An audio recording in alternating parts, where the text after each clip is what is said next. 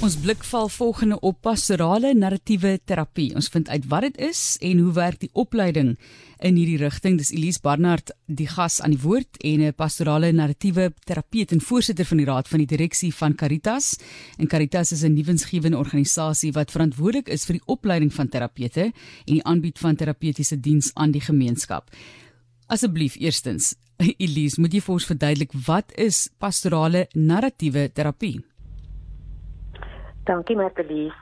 Ja, narratief beteken mos maar stories. So die narratiewe terapie fokus op mense se verhale. Dit wat hulle van hulle self vertel, hulle lewensverhaal. So narratiewe terapie is 'n respekvolle benadering wat dan die kliënt luister en laat die persoon praat en praat en praat oor dit wat hy in sy lewe ervaar het. Dit wat ehm um, wat met hom gebeur het, dit waar hy gebore is, sy familie met wie hy uh, saam met wie hy groot geword het, waar hy skool gegaan het, al die tipe van goed speel ons maar 'n rol maak, ons maar deel uit van ons storie. En jou storie is ons maar 'n stem wat met jou praat. Dis mos 'n skaduwee wat saam met jou loop. Een van ons dosente sê graag, dis 'n foksterrier. Hy's altyd hier by jou en hy praat altyd met jou. En baie keer praat jy self terug met hom. So dit is dit wat jy wat jou storie met ander woorde die effek wat jou storie op jou het en wat jy met jou saamdra. Dit is dit is narratief. So uit wat jy nou gesê het, kan ek 'n bietjie vasvat hoekom dit belangrik is, maar voordat ons kom by die opleiding, watter rol dink jy speel pastorale narratiewe terapie in ons samelewing? Ja, Martelies, mense het baie seer. Ehm um, en mense het, het ook nie 'n uh, baie goeie ondersteuningsstelsel nie. So jou pastorale narratiewe terapeut omdat dit 'n respekvolle ehm um, in 'n in 'n 'n luister terapie is. Kan mense kom en met hulle stories en hulle kan vir jou kom vertel, hulle kan vir jou vertrou, hulle kan kom uitpak wat wat hulle alles ervaar en wat hulle ehm um, wat wat probleme hulle mee sit. Want die hele idee is eintlik maar om mense te help om meer effektief in die samelewing te kan funksioneer en om gelukkiger te wees dat jou storie nie jou baas is nie, maar dat jy die storie self skryf, dat jy die outeur van jou eie storie is. So kom ons gesels oor die opleiding. Dis nou nogal vir julle belangrik en jy is ook betrokke by die opleiding. Hoe werk dit?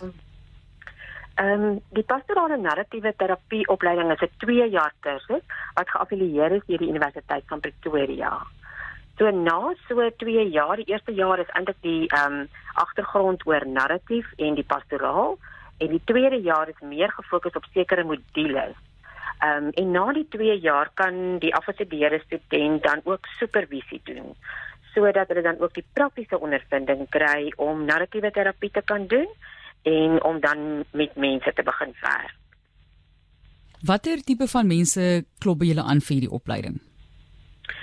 Ja, dit is nogal baie interessant, maar lief, eintlik enige iemand, oud en jonk, ehm um, maak nie saak in watter beroep jy staan nie.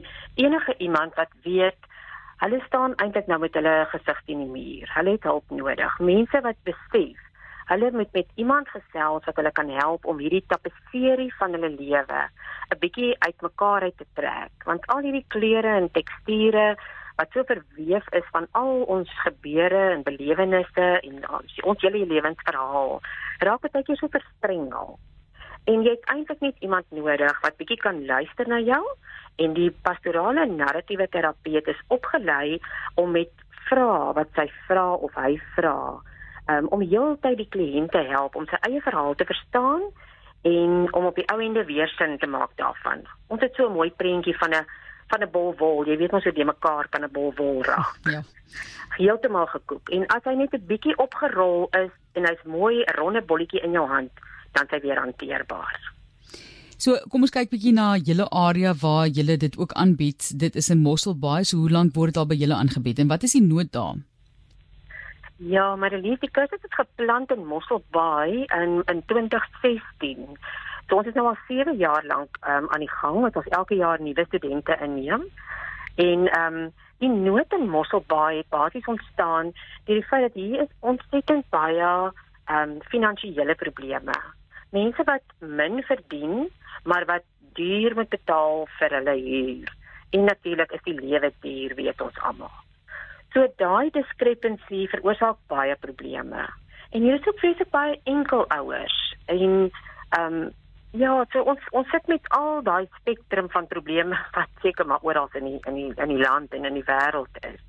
Ehm um, so enige iemand kan by ons kom aanklop. Ons kan verhoudingsterapie, kinderterapie, ehm um, tienerterapie, ons hanteer molestering, rousmart en trauma selfs alkoholafhanklikheid of substansafhanklikheid en depressie is die tipe van onderwerpe wat ons kan hanteer.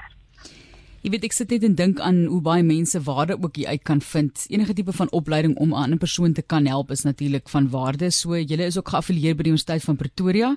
Gee vir ons 'n idee van die inhoud van die kursus. Die eerste 2 jaar ehm um, gaan basies oor die vakgebied narratiewe terapie. Een van ons studente sê jy het 6 maande na 8 maande nodig voor die penny drop voor jy regtig verstaan waaroor gaan die studieveld. En dit is 'n taamlik 'n nuwe studieveld in die in die sielkunde wêreld.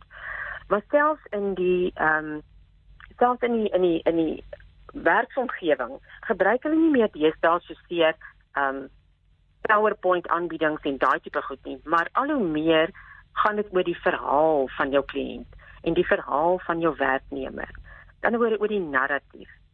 So dit word regtig wyd aangebied en en en om hierdie narratiewe ehm um, veld te verstaan, vat jy omtrent basies die eerste jaar. Die eerste jaar gaan dan nou oor die veld self en die narratiewe en, en die pastorale gedeelte.